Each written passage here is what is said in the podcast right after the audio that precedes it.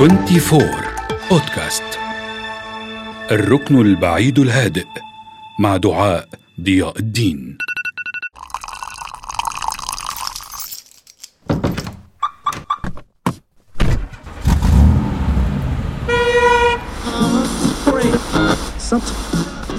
الآن الثانية عشرة ظهرا في شوارع المدينة المزدحمة.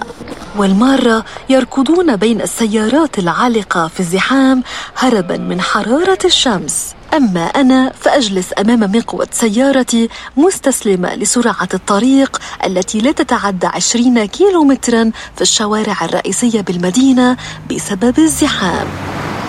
هذه اللقطة الدرامية اليومية الموترة للأعصاب اعتدت على التعامل معها بطريقتي الخاصة وأحولها إلى مشهد هزلي لطيف بضغطة زر.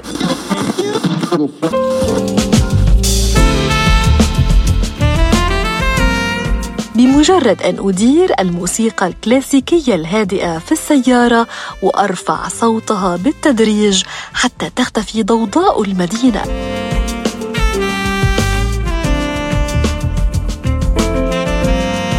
وأهرب أنا إلى عالم آخر بين صوت الجيتار والبيانو والإيقاعات الراقصة بهدوء وأناقة.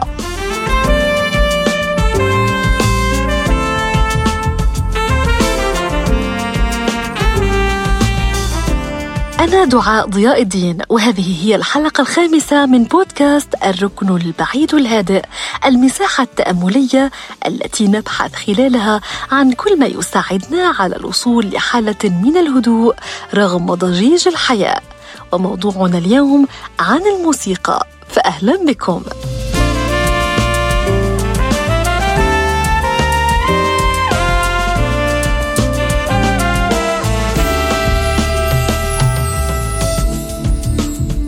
تؤثر الموسيقى فينا. استماعنا يا أصدقائي إلى الموسيقى الهادئة يساعد دماغنا على إفراز هرمون الإندروفين الذي يقلل من شعورنا بالتوتر والقلق ويساعدنا على الاسترخاء تجربة أجريت على مجموعة من المرضى استمعوا إلى الموسيقى قبل خضوعهم لعملية جراحية فكانت نسبة التوتر والألم لديهم قبل وبعد العملية أقل ممن لم يستمعوا إلى الموسيقى.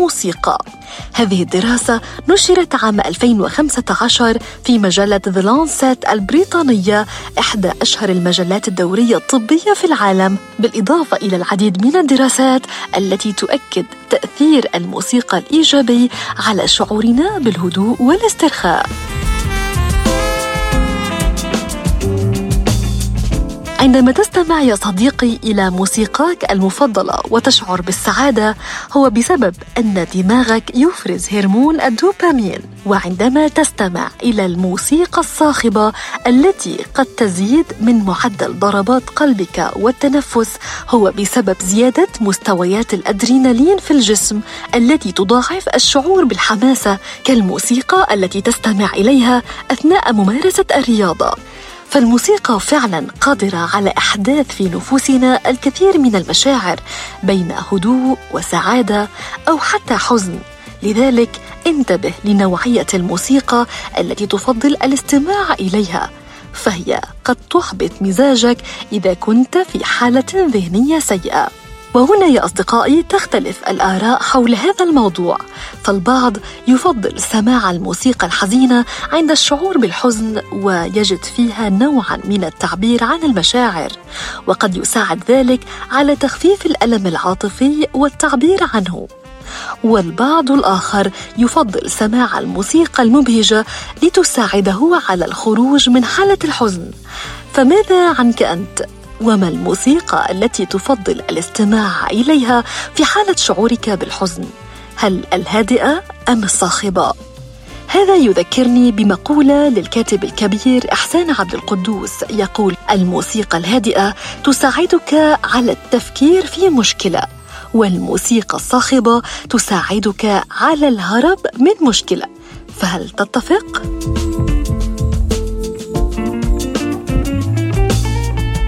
قد يتفاجأ البعض بأن اكتشاف التأثير الكبير للموسيقى على الإنسان ليس نتيجة دراسات حديثة وإنما توصل إليه الفيلسوف العربي أبو يوسف يعقوب بن إسحاق الكندي عام 256 للهجرة فهو أول من أدرك القيمة العلاجية للموسيقى عندما تمكن من تحسين الحالة الصحية لصبي أصيب بالشلل الرباعي ومنذ ذلك الحين تم البدء في توظيف الموسيقى بشكل فعلي في مجال الطب والعلاج النفسي والسلوكي والجسدي.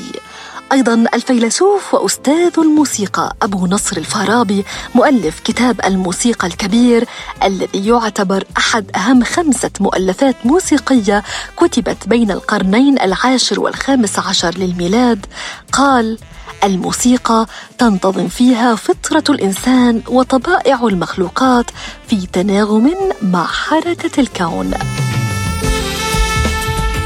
يروى أيضا أن المستشفى المنصوري الذي بناه المنصور سيف الدين بن قلاوون بالقاهرة في القرن السابع الهجري كانت به أقسام خاصة للعلاج بالموسيقى لمن يعانون من أرق أو اضطراب نفسي. وبالرغم من أن العرب كانوا سباقين في العلاج بالموسيقى إلا أن العالم الحديث لم يبدأ باستخدام الموسيقى العلاجية إلا مؤخرا في منتصف القرن العشرين بعدما بدأت أوروبا وأمريكا لأول مرة في استخدام الموسيقى لعلاج الجنود العائدين من الحرب العالمية الثانية ممن يعانون من حالات اضطراب نفسي وتوتر.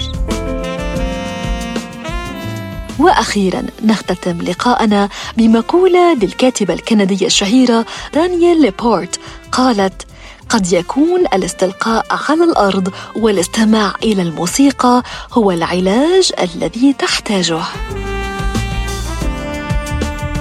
كنت معكم دعاء ضياء الدين من الركن البعيد الهادئ. إلى اللقاء.